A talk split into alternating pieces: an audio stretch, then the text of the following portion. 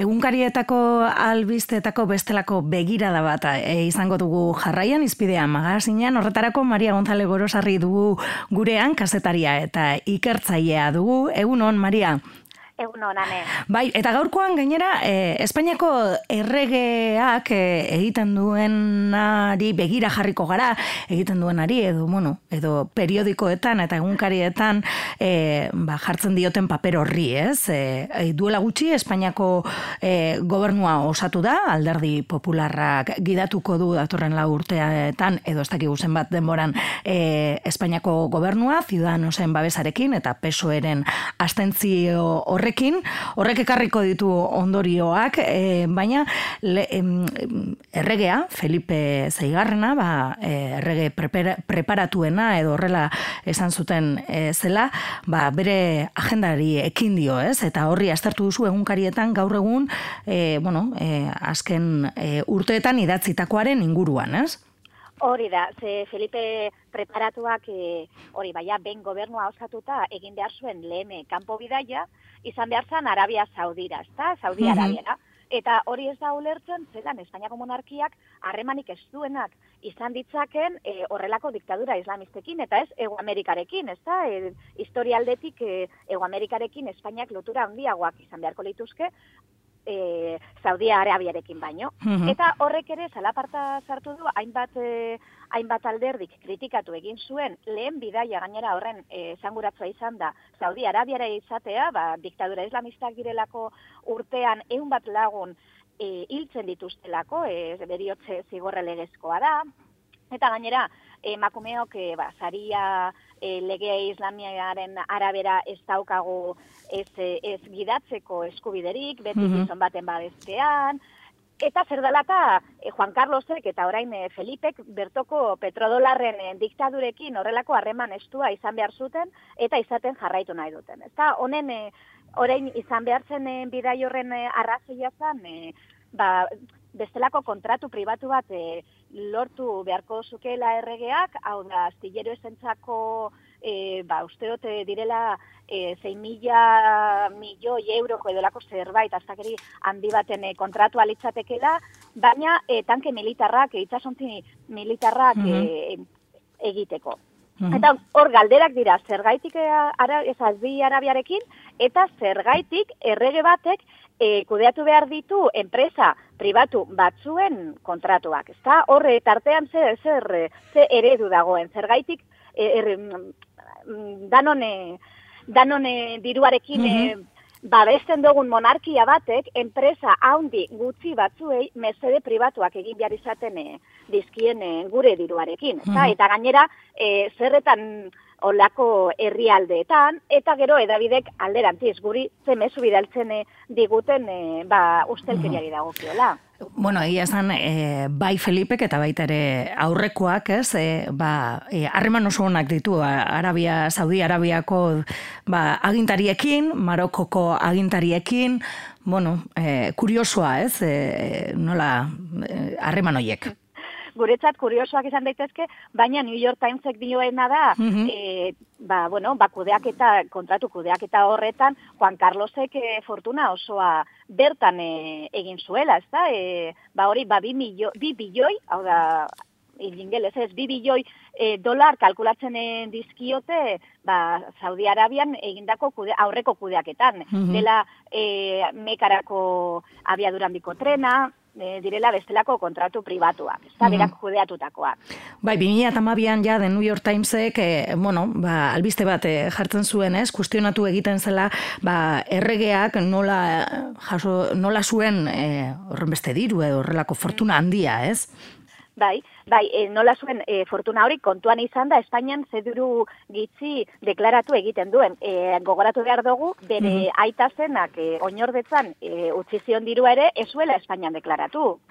Mm Eta gainera, e, baita ere jomugan jartzen duzu e, erregearen e, e, soldata, errege hoiaren soldata ere, bueno, ba, sekre, sekretu pekoa edo, ez daki, e, gizarteak ez dakiela zein dan, ez?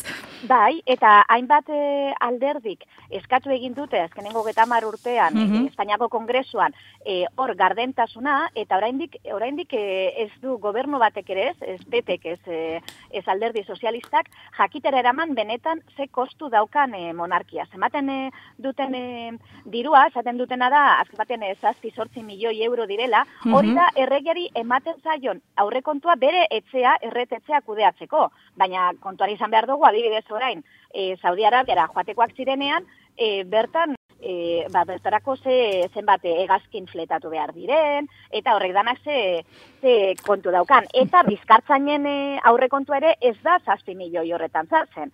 E, bueno, liburuek e, dioetana da, gitzi gora bera, hogeita amar milioi bat e, kostaten e, digula. Hogeita hamar milioi euro. Bai, urtean. Mhm, mhm. E, bestetik, ba, bueno, e, bai aztertu duzuna da, ba, azken urteetan egon diren ustelkeria kasuak, ez? E, batetik, e, e, oso iluna dela errege etxearen kontuen, diruenen kontuen gauzak, baina bestetik, ba, gobernatzen ari den partidua, ba, ustelkeria kasu hainbat dituela irekita dagoeneko. Bai, e, eta kasu horietan deigarriena da e, ze, ze kopuru, ez da, e, diru kopuru erabiltzen duten. Adibidez, gurtelen, e, ba, aita santu e, Valentziara eraman zutenean, ba, mesa bat eskaintzearen erreun mila euroko faktura pasatu zuten. Urdangarinek, irureon da irurogeta mar mila euroko faktura pasatzen zuen e, horrelako aholkulari zerbitzuen gaitik. Ratok, bankiak, osea, ratok e, bankiako buru izan zen bitartean, bankiak kontratu eragin e, egin zion bere koinatuari milioi erdiko soldatarekin.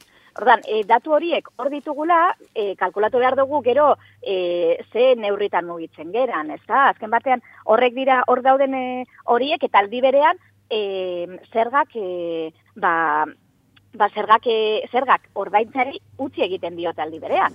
Mhm. Zangurot, horrelako kontratuak gestionatzen dituzte diru publikoarekin eta hala ere oraindik e, basergarik ez dute ordaintzen, ezta? Mhm. Adibidez, kalkulatuta dago gara egunkariak atara zuen zelan EAN, ba, hiru foru hogasunean, guztira zeireun da irurogeta lau milioi sor dago, ba, enpresa handiek e, ordaintzen ez dutenarekin.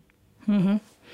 Bueno, e, kuriosoa, bai. Eta gero, bestetik ere aipatzen duzu, edabideak gero askotan fokua horrelakoetan beharrean, bestelako albisteetan jartzen dutela, ez? RGIaren kontuaren iruzurra, ba, azkenean, e, titular handietan, azaletan joan dira, ez? Eta Bai. edabideek ere non jartzen duten fokua ere aztertzekoa da.